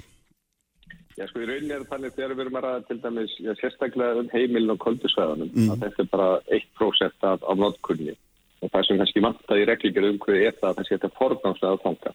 Það er eins og ekkit einfalt uh, og þess vegna setti strax um að hópa stað. Uh, en þannig að það er kannski, og það er bara mál sem þarf að leysa og liggur á. Uh, síðan erum við þetta bara í því, eins og ég nefndi, að við erum farið í orkusskipti, við erum að tala hér um, um tölum mikið um radbílana sem eru auðvitað frábæri, sem er þarna heimilsbílinn Þar erum við komum vel á veg en við erum mjög mikið, mikið eftir og þar vantar inn við og ef við skoðum hverjir eigar af bíluna þá held ég sé óhægt að fundir að það sé sem efna meira fólk á höfuborgsvæðinu. Það vantar inn við til þess að fólk getur notað um all, all land. Síðan eftir með, sem þarna, með hinabílana sem eru þungaflutningarnir og þeir eru með helmingin svona jafn mikið af útblæstri og allir, allir heimilisbílaflottir Það þarftu vektalega aðra, það er búið til raf eldsniti sem er svona í hraðirir stróun en það er ekki komið alveg á hreint hvaða, hvaða lausnmörðum það, það er ofan á. Svo ertum við jákaða þætti eins og það að nú komið fyrsta rafflugvelin að komið til landsins. Kjænsluflugvel og 2026 verður núna í fjöldaframleita 90% vélar sem geta flóið á alla uh, staði á Íslandi, 60-50-80% ódýrar í, í, í rekstri, sem eins og rafbílinn en ekki ódýrar í rekstri. Það með því það byltingu í, ef allt í verður sem alltaf líkur á, byltingi almenningssamgöngum, flugsamgöngum á Íslandi. Mm -hmm. Það eru, eru tækifæri. Síðan átt eftir, eftir flotan, við talum ekki um millandaflýð, og síðan eru þetta ótrúlega mikið spennandi tækifærin til að kemur að, að grætni orku framlegslu. Við getum síðan matalaframlegsluna, lífteknina, það eru spennandi hugmyndir um, um fiskeld á landi. Þannig að þetta er svona blanda af áskorunum og ég maður tekur bara við þessu eins og þetta er og við þurfum að vilja þetta hratt eins og, eins og við getum en samt sem að með ábyrgum hætti mm. og það kostur mig þegar að koma að ramma á þetta aftur. Það var þerrpólt í samstæða, menn sögðu bara, heyrðu við erum ekki að fara að sko, þrætast með endalist með einstaklega virkjanir, verðum að líta á því hildarsamengi. Það er ákveðin uh, virkjanir sem er bara alls ekki að fara í, við setjum það bara í vendarsvæði, við erum að skoða eitthvað eins betur og síðan í hérna hluti sem er bara mjög eskilegt út frá þessum fórsendum að nýta. Mm -hmm. Og ég held að þetta sé gott verklag, en ef við klárum þetta ekki, því þá ætti að gera þetta lámarki fjara á flesti, að lámarki, og það eru nýja ár síðan við gerum þetta. Þá lendum við vandræðum og við lendum við vandræðum þó svo við færum í, í, í, í þessi loftlags uh, markmið, en, en þarna, það var aldrei hugmyndir hjá okkur að hætta að vera með græna orkurfaminslu. Það er aldrei neitt komið fram með það sko. En þingið, þingið vilist vera gerðsamlega ófært um að, að klára þessa ramma og það er þetta vegna þess að það er ágreiningur um það hvað á að venda og hvað á að nýta og þú kemst nú ekki fram hjá því sko. Já, við sko nú, ég ætla ekki að byrja að gefa stupp á mér fyrir stað og hérna, hef aldrei gert það og mun aldrei gera en það sem ég vísu sko, við þurfum alltaf bara að horfa heiðarlega á loftasmarkið. Ég meina, ætla mér að ná þeim eða ekki Já, es, nákvæmlega, þegar þú segir þetta, menn þurfa að horfa heiðarlega á þau, þá ertu náttúrulega að segja öðrum orðum að það þurfi að afla meiri orku, þá þarf að fara inn í þá kosti sem að margir telja ættu ekki að við nýta. Það er það sem þú ert að segja. Það er eitt sem ég ég er að segja eitthvað fleira. Ég er bara að segja það þegar við erum að að. Ég er bara að segja það allstar, það sem er, og, og allstar það sem við lítum, þá þurfum við að líta til loftlagsmála. Við erum að tala um skórækt, vandgreislu, mm. -hmm. endrætt votlendis. Við þurfum allstar að vera með sér gleru. Þannig, að- þannig að er, þetta er uh, mjög mikilvæg þáttur sem við nefnir. En við þurfum að horfa á þetta, við erum löngum búin að taka, ekki löngum, við erum, við erum búin að taka ákvörðum að við ætlum að fara þessa leið Já, já. við erum með, með yfir 50 þarna, aðgera áallanir sem að þarf að, að sjá til að, sé ekki bara orða á blaði heldur að við náum þessu markmiðum og það er til mikils að vinna. Ef við náum þessum áhengur sem við ætlum að gera að uh, þá getum við verið mjög stolt af því og við erum að búa hér komandi kynnslóðum uh, glæsilega fram til hvað þetta var. Já, sko, fyrir viku var hérna hjá mig maður sem er hérna framkvæmda störi viðskiptaþrónar hjá fyr- fyrirtæki sem heitir Carbon Recycling sem hérna sér, sérhæfis í að framleiða rafelsniti og hann fullirti að það fyrirtæki gæti framleitt rafelsniti á allar þungaflutninga á Íslandi og hérna uh, skip og, og innanlandsflug. Ef hann fengi til þess orku. Ef hann fengi til þess orku þá getum við verið sjálfbæra þessu leiti og, og þarna og, veist, en orkan er ekki í bóði sko hún er ekki bóði og þess vegna leitar fyrirtækið aðalega til útlanda með að, hérna, vinna með ellendum aðalum þar en að maður lítur að velta fyrir sér skilju ef orkan er ekki bóði til þess að gera það sem við þurfum að gera hva, hva, til hvaða ráða ætla menn þá að, þá að, að grípa sko. Ég meina þetta, auðvitað er þetta langtíma verkefni og þegar kemur að raf eldsmyndinu að uh, þá er það þannig að þú, þú getur talað við marga og það er ekki allir sömu skoðinu um það hvaða löst verður ofan á og uh, það eru kostir og gallar við þetta allt saman. Sömulegis með orkukostina, þú ert með þarna vassabið, þú ert með jarðvarman, þú ert með vindorkuna, svo dæmis er tekið til nýtjum sólarorkuna, uh, kannski augljósum ástæðum, en það er nú notanum samt sem að líka á, á Norðlæðustöðum og uh, þannig að, að þetta er bara eitt af því sem að uh, er að vera að vinna á og við erum að vinna eins, eins hratt eins og mögulegt er og eru út í algjörðu forkangi hjá okkur. En það er ekki svo gott að það sé, þetta sé allt saman tilbúið. Það eru náttúrulega gríðarlega fjármunir út um allan heim sem er að fara í akkurat þróun, hvað sem að það heiti raðelsneti eða umhverfisvæðinu lausnum og svo framvegst. Núna er bara, heimurinn er bara að setja fjármagn í þetta.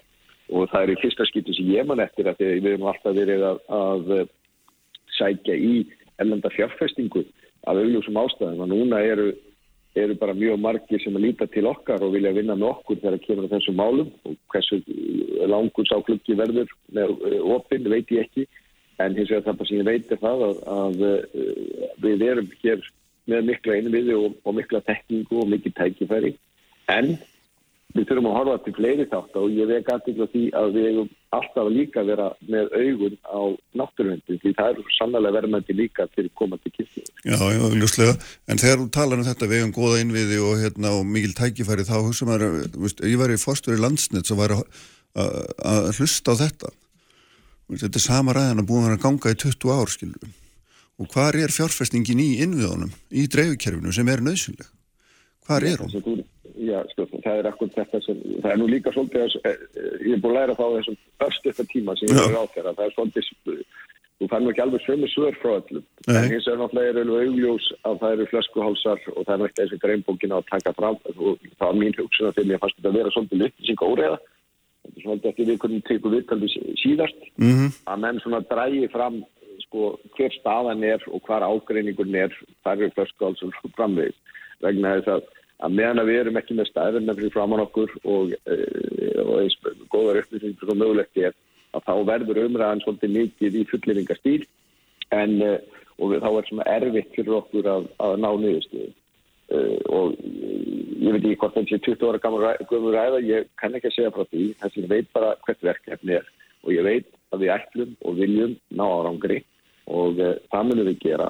En það gerist ekki öðru en svo að við séum og þá ekki bara þingið, þetta er líka þjóðum því þetta er mál allra. Og eftir að ég tók við þessu ráðuniti þá er alltaf búin að tala við marga eins og gengur.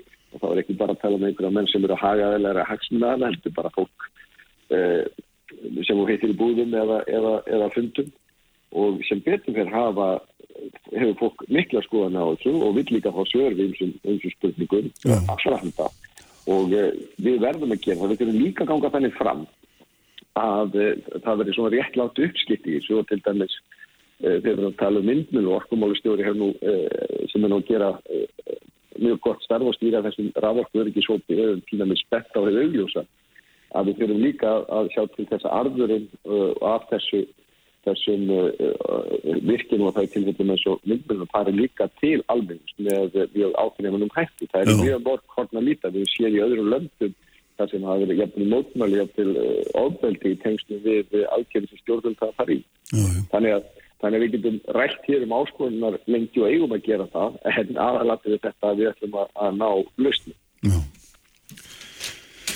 Það er ljómandi guðlegur Þór, það, svona, það verður forvinnilegt að fylgjast með þér hérna, hvernig þú heggur á alla þessa núta á næstu, næstu árum. Það er æri verkefni, ég held að það sé nú ótt að fullir á það. Já, það gerir samt enginn eitt einn og, og hérna, ég er löngu búin að átta á því í þessu og öðru, kannski sérstaklega í þessu, að ger, þetta kallar gríðarlega saman. Loftlagsmarkmiðin er ekki málum í stjórnanda, þetta er þjóðaratak og aftur, við verum ekki bendað í hvað við segjum, heldur hvað við gerum. Nákvæmlega, ljómandi, bestu þakki fyrir samtalið. Takk sem lögum. og við haldum manna áfram eftir augnablík þá verður hjá mér prófessor Ármann Jakobsson sem er prófessor í miðaldabókmyndum við Háskóla Íslands. Við ætlum að skipta um takt og fjalla um bókmyndasögu. Aldrei nóg oft fjallaði um hana. Sprengisandur á bylgjunni. Með þér allan daginn. Hvar sem er, hvenin sem er Bylgjan. Bylgjan. Uppspretta frétta á Sprengisandi á bylgjunni Sælilustendur, Guðluð Þór Þorlarsson ráð þeirra umhverfis orku og loslasmála farin frá mér uh, eftir yfirferðum samhengi þessara hluta alla. En hinga er komin góði gestur Ármann Jakobsson sem er prófessor við Háskóla Íslands í meðaldabókmyndum Sælu blessaður Ármann og velkomin Já, takk fyrir. uh, Þú ert hinga komin til að fjalla þessum bók eða bækur öllu heldur. Já, nýjar bækur, tvær um íslenska bókmyndasögu og ég sagði nú að það er aldrei nógu mikið fjallað um bókmyndasögu og, hérna, en þetta er heljarina ritt uh, tvö og, og bókmyndi frá eiginlega upphafi Íslandsbyðar til vorra tíma ekki satt? Jú, og svona hérna, þú hefur nú skrifað bókmyndasögu áður uh, minnstu eina fyrir framhaldsskóla er það ekki? Jú, er, er hérna, það var 2009 ef mann rétt hérna, eina túristabók líka. já, segðu en hvað hérna, svona, hver tími lítur á bókmyndirnar söguna með sínum augum, hvað. Við eiginlega hugsaum hana svolítið fyrir háskólanemndur aðlega og kannski líka kennari, íslensk kennara, alla íslensku fræðinga og, og þannig að þetta er svolítið tilgangsbók. Og, og viðtökuhópurinn var okkur mjög ofalega í huga. Við vorum alltaf að hugsa um hópur sem mætti eftir að lesa bókina, svo ég held að kannski við höfum gert meira af en margir fyrri höfundar og kannski þess vegna þá rannilega upp fyrir mig þegar við vorum langt komin að það er líka eitt af því sem hefur gerst í bókmyndasögu mm. er að það er alltaf í gamla þetta var höfundur svolítið einráður. Já, en núna hugsa, hugsa fólk meira um lesendur og viðtakendur og það er náttúrulega kenningin á bakvið það er eldgömmul Já. en, en, en í raun þá voru menn kannski ekki að taka mjög mikið til þess en í þessari bókmyndasögu finnst mér það svolítið gert. Og ég meina við byrjum á því að tala um það sem ég kalla persónulega bókmyndasögu hvers og eins en það er bara bókmyndasagan sem verður til þegar þú lest þína fyrstu bók. Aha, og, og ég ger nú á gamnu mínu að tilnefna litlu gulu hænuna sem bók sem er mjög mikið fyrir persónulega bókmyndasögu hvers og eins. Já, og þær eru margar og, og, og, og það má ekki gleyma þessum aðla manneskjum sem les bækur Nei. og öll áhrifin sem hún hefur. Hún skiptir svo miklu máli í bókmyndakerfinu en er sjaldan rætt mikið. Já, já. Er, er, er hérna, er þessi bókmyndasagan, er hún að, sko, fyrir utan þetta þá einhverju öðru- öðru leiti, ólíkar áherslur, ný viðþorf, ég meina það er sjálfsagt einhverju ártví síðan að svona stórvirki hefur, þannig sé komið út. já, þess að það eru sagt, 30 ár frá því seinasta bókmynd sem byrjaði að koma út og hún var náttúrulega með allt öðru sér með allt annan tilgang og, og, og, en það var líka heilmikið gerst í bókmyndaransóknum síðan Já. þá áherslunar er meiri, það er mjög sterk félagslega áhersla sem hófst upp á 1990 og hún gegn sýrir þessa bók, það er líka mikil áhersla á bókmyndakerfi hvernig kerfi virkar. Og, og, og allt þetta kemur fram og svo er náttúrulega bara alls konar rít sem hafa fundist og í, í hérna svona uh, miðtímabilinu í íslenskri bókmyndsögu þá hafa menn pælt miklu meir í handrita menningunni en áður var. Og þannig að, þannig að þetta, er, þetta, þetta, við erum að vona að þetta rít endurspegli þessar mikla hræringar í bókmyndasögunni Já. sem hafa verið senustu ár Já, það sem alltaf skiptir svo miklu máli um og kannski er það ólíkt hjá okkur og öðrum þjóðum er að, er að bókmyndasagan okkar, miðalda bókmyndirnar er náttúrulega svo stór hluti af Íslands sögunni sjálfri það er náttúrulega hluta til eða menn svona halda þessi á einhverju leiti trúverðugar Já, já. og, og, og, og svo eru þær svona það eru eiginlega besta heimildin enga síður um forfeður okkar. Þannig að skaldskapurinn og sakfræðin einhvern meginn svona rennur saman í, í eitt sko. Það er, en það eru notar allt öðruvísi sem heimild en fyrir 30 árum. Og, og sérstaklega enn lengri farið. Að sem sagt, núna eru held ég fortsjóðan ekki síst notar sem heimild um höfundana, um tímabilis eru skrifað og það er svolítið sterk áhersla að líta á það sem frá sínum tíma. Og annað sögða sem maður sér mjög staðið þessari er að, að, að bókmyndir skiptu náttúrulega miklu máli í Já, já. og mótun þjóðunni sinns og mér finnst það sjást á þessari bók hversu langt við erum komin frá því.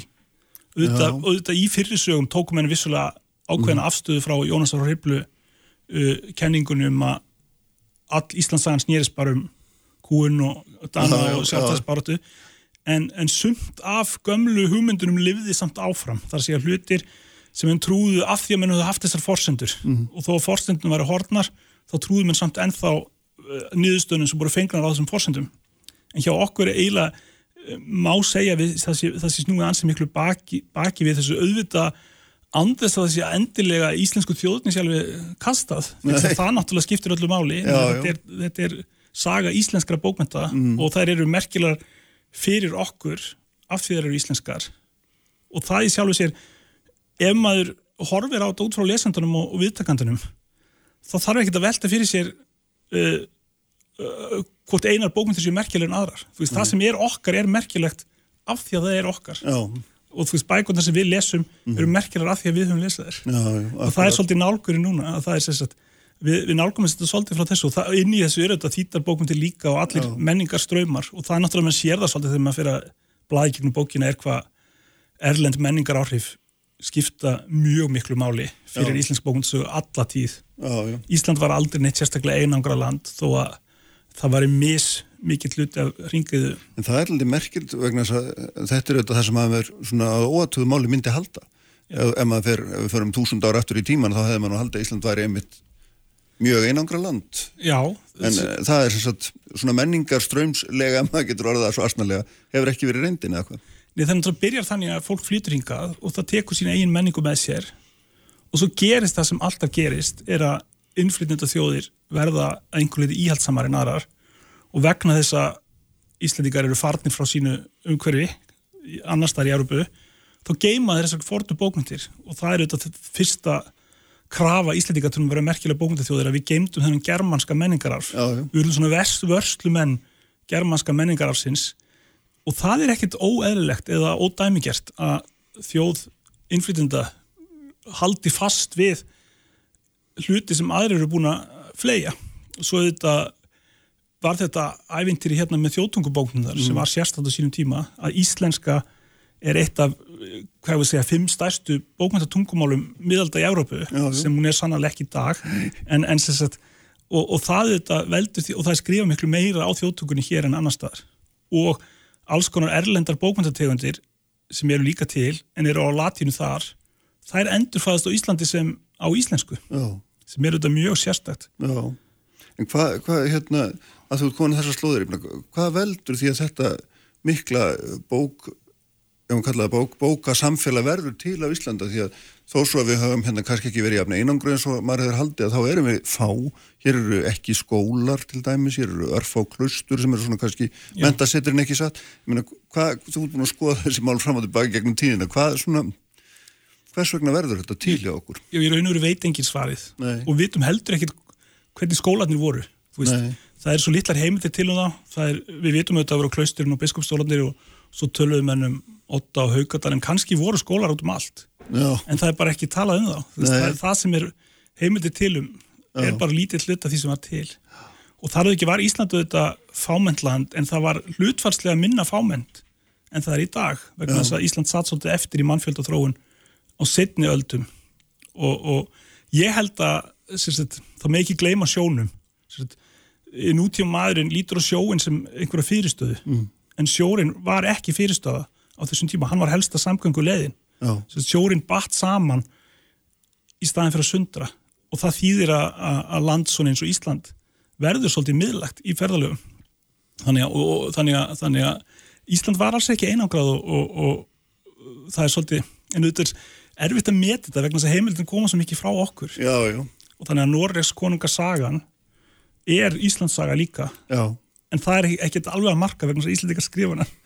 Þannig að þú veist, við vitum þú veist, og það er eitt af því sem það er alltaf að hugsa og ég hugsa alltaf líka því að hlusta fréttir og ykkur í fréttsóður er af hverju segir fólk það sem það segir? Já. þú veist, fólk hefur sína ástæðu til að segja hlutina Já. og maður á aldrei trúa neinu eins og nýju neti. Ég segi alltaf við nefndum minni í, í háskólan þið skulle vantrista öllu sem sagt er vegna þess að fólk segir eitthvað en það þýðir ekki það sé satt. Og, og, en, en svo með heilbriðum fyrir Já, já, já, ég skil þig, já, já, já. fyrir upp að vissu marki. Já. það er alltaf gott að gefa sér uh, svona ákveðina uh, hver er að tala og, og af hverju hann er að tala. Já, já, það er náttúrulega augljóslega í þessu tilvíki sem við erum að tala um að þá, þá náttúrulega erum við að skrifa sig inn í vissar aðstæður á þessum tíma, menn er að skrifa sig í náðinu hjá Norriskóningi stundum er það Já, ekki? já, og, og svo vilja menn tólka eða láta tólka Íslandsöguna til dæmis með einhverjum Ábrendi hætti eða, eða er það ekki eða hvað? ég held að sé alltaf æminna grandalessi í túlkun miðaldabókuta senast svona 60 árin að menn átta sig á því til dæmis þegar Ari Fróði byrjar að skrifa Íslandingabók hann er að skrifa um forföður sína þeir eru meira ábyrjandi, fólki sem stendur honum næri meira ábyrjandi sögur en aðrir -hmm. og það þýðir ekki hægt að taka sér sem gefnu sem Íslands sögunar þessum tíambili þetta, og þetta er maður sem er nátengdur biskupunum og biskupin er mikil hetja í sögunans Já, en, en það er ekki víst að allir hafi litið þannig á. Nei, nei. og það er, það er eitt af því sem ég held sér gott að, að lesa þessar bókmyndir með talsverðum uh, tilliti til hver er að skrifa og við hvernig hann er að tala. Veist, hver, hverjum er ætlað að segja hvað. Og, og það, er, það eru fullar af hugssjónum þessar gamlu bókmyndir og í raun og veru finnst mér, þú veist, þetta er náttúrulega feikilega auð og saga, hefur maður horfður þetta bara alltaf tíð frá, frá miðaldum til nútímans. Já, ægilega mikið bókmyndastarf og eitt af því sem við gerum í þessari bók er að við erum með mikla myndir og það sem er ábyrjandi í myndunum eru gömul handrit, gamlar útgáfur. Þannig að við erum að reyna að kenna fólki textafræði gegnum myndir. -hmm. þannig að nefnundur okkar að því að uh, menn, það er stundu að tala um að venni séu kjálfróðir. Þar sem Já, já, viti já, hvað já, stendur í bókunum en hafið þú ekki lesið já, akkurat. Og bókmyndasögur er náttúrulega sérstaklega til þess gerðar að gera fólk kjálfrótt. Já, En við reynum leika að sína fólki sjálfar útgáðunar og sjálfar bækurnar þannig að það komist í aðeins betri tengsl við Já. frumtekstana og heimildirnar. já. En hversu mikilvæg er, sko, hversu mikilvægar eru bókmyndina fyrir sjálfsvitund Íslandinga? Er þetta ekki raun að veru alfa og omega hennar þegar við komum inn á 19. og 20. öldina, þá er þessi tími einhvern veginn svona það sem mann leita í til þess að búa sér til mynda sjálfum sér sem uh, þjóð meðal þjóða. Jú, Ísland er náttúrulega feikilega fámenn þjóð, sérstaklega í eurósku samhengi, því það er náttúrulega til, í sennilega eru 70-80 sjálfstæð ríki sem eru fámennar í Ísland, ef allt er talið, en þau eru flest í öðrum heimsálum. Og, en, en fyrir svona fámennar þjóðir, þá er mjög mikið hægt að eiga allar stopnarneirnar og eiga sér tungumál, það breytir ansi miklu. Þannig að sjálf íslenskan skiptir mjög miklu fyrir Íslandingos fyrir skilgrinningun á hvernig er íslensk menning og þó það sé alltaf verið að tala um dauða íslenskunar sem er mm. sérstaklega enginni á umræði hefðinni hér þá er það auðvitað þannig að íslenskan er það sem gerir fólk að, að samfélagsteknum sem mar markar tekið á. Já. Þú veist, það er alls konar hluti sem fara bara fram á íslensku og fólk hefur ekki aðkikið að nema það kunni íslensku. Og þó að þess- þessi heldur meira þýtt en áður þá er þetta bara þannig. Og þetta er þannig með öll samfélög. Já, minna, þú veist, þú getur Íslendingar halda margir að það sé að fara til Danmörkur og tala bara ensku og, og þeir verði samt hlut á dönsku samfélagi. Ég hef búið í Danmörku, það er ekki þannig. Um leiðum að byrja að tala dönsku Já. þá fyrir fólk að segja manna alls konar hluti. Og maður kemst að alls konar hlutum sem engum dætt í huga að segja manna á ensku. -hmm. og það er bara, og þannig er það hér. Já, og sem sagt þannig að en þessi bókmynda þeir hafa þetta sérstu vegna þess að við vorum þennan arf. Og það var svolítið tilkall okkar.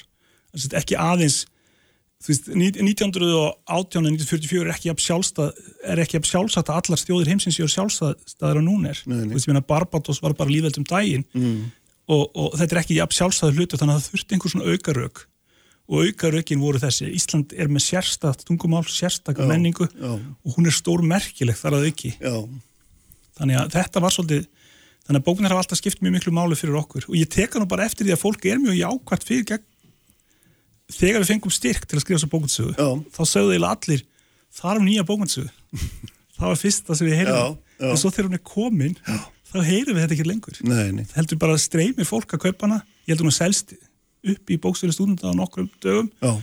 og, og, og, sem sagt, og ég verð varfið feikilegan áhuga meðal bara svona alls konar fólks Já. venjulegs fólks bara á, á netinu Já, já, akkurat. þetta er eitthvað sem fólk hérna, Já, er, getur ekki verið skýringin einmitt svo að bókmyndasagan er svo mikil, hún er svo mikil þráður í Íslandshöfun í raun og veru. jú, bókmyndir eru hluti af Íslandingum og verða, verða Mm. þó þessi að færast en út af eitt af því sem við tölum mikið um í þessari sögu er miðlar og það er alls konar Já, meina, í inganginum tala ég svolítið um tímabilið frá 83 til 87 þar sem bókabúð Snæbjarnar fóru að auðlýsa vídeospólur og þá vorum við náttúrulega ákveðum tímapunktum Já. og vídeospólunar voru framtíðin og núna 40 ára síðar vitum við að vídeospólunar voru ekki framtíðin heldur voru áttuður bara mjög stutt Já, já. en mjög mikið blómaskeið Já, já, og, og svona, það er alltaf gott að velta fyrir þessum miðlum Já. en í raun og veru er miðlum bara hluti samt af því sem er miðlað það sem er á, á var á vídeospólum 83 er núna á Spotify og alls konar svoleiðis Mm. Já, já. streymisveitum þannig að,